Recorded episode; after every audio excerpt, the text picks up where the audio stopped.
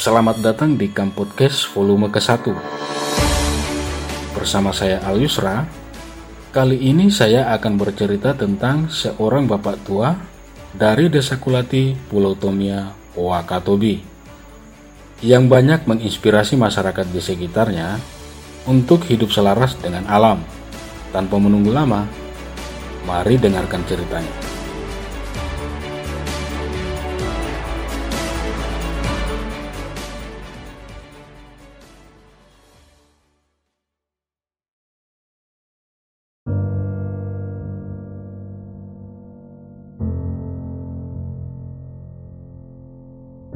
Namanya lah Asiru. Namun, belakangan beliau dipanggil Bapak Tua. Arti namanya ialah tak terhentikan.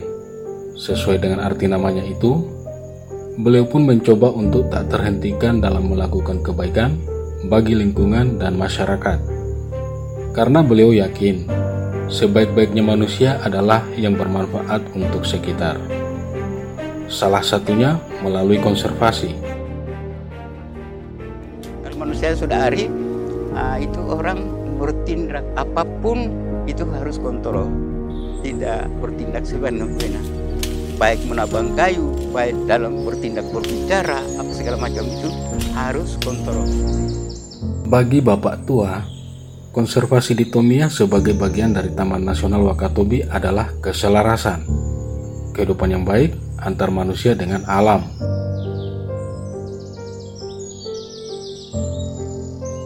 Maka, prinsip konservasi coba beliau jalankan agar alam dengan isinya dapat bermanfaat bagi kehidupan masyarakat. Dahulu, spesies ikan sempat berkurang di Pulau Tomia. Terumbu karang rusak. Hal ini disebabkan lantaran masyarakat menangkap ikan dengan bom, bius, dan dilakukan dengan asal tanpa aturan.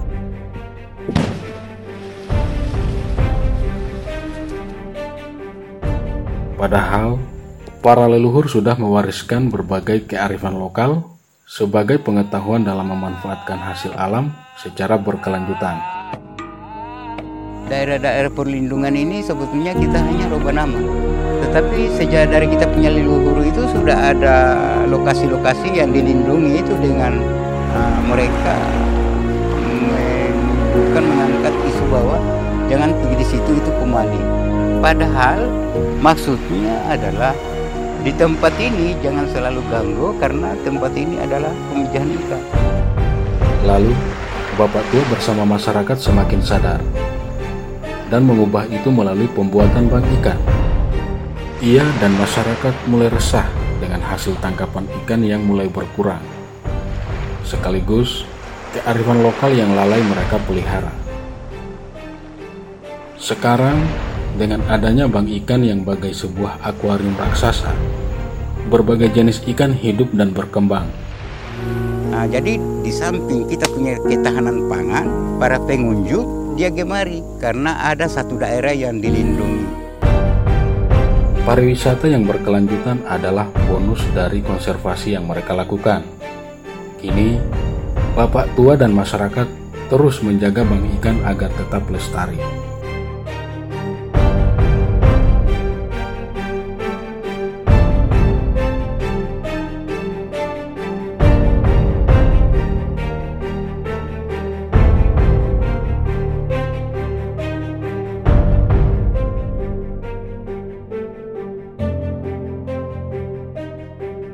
Sekian cerita singkatnya, dan semoga bermanfaat untuk kita semua.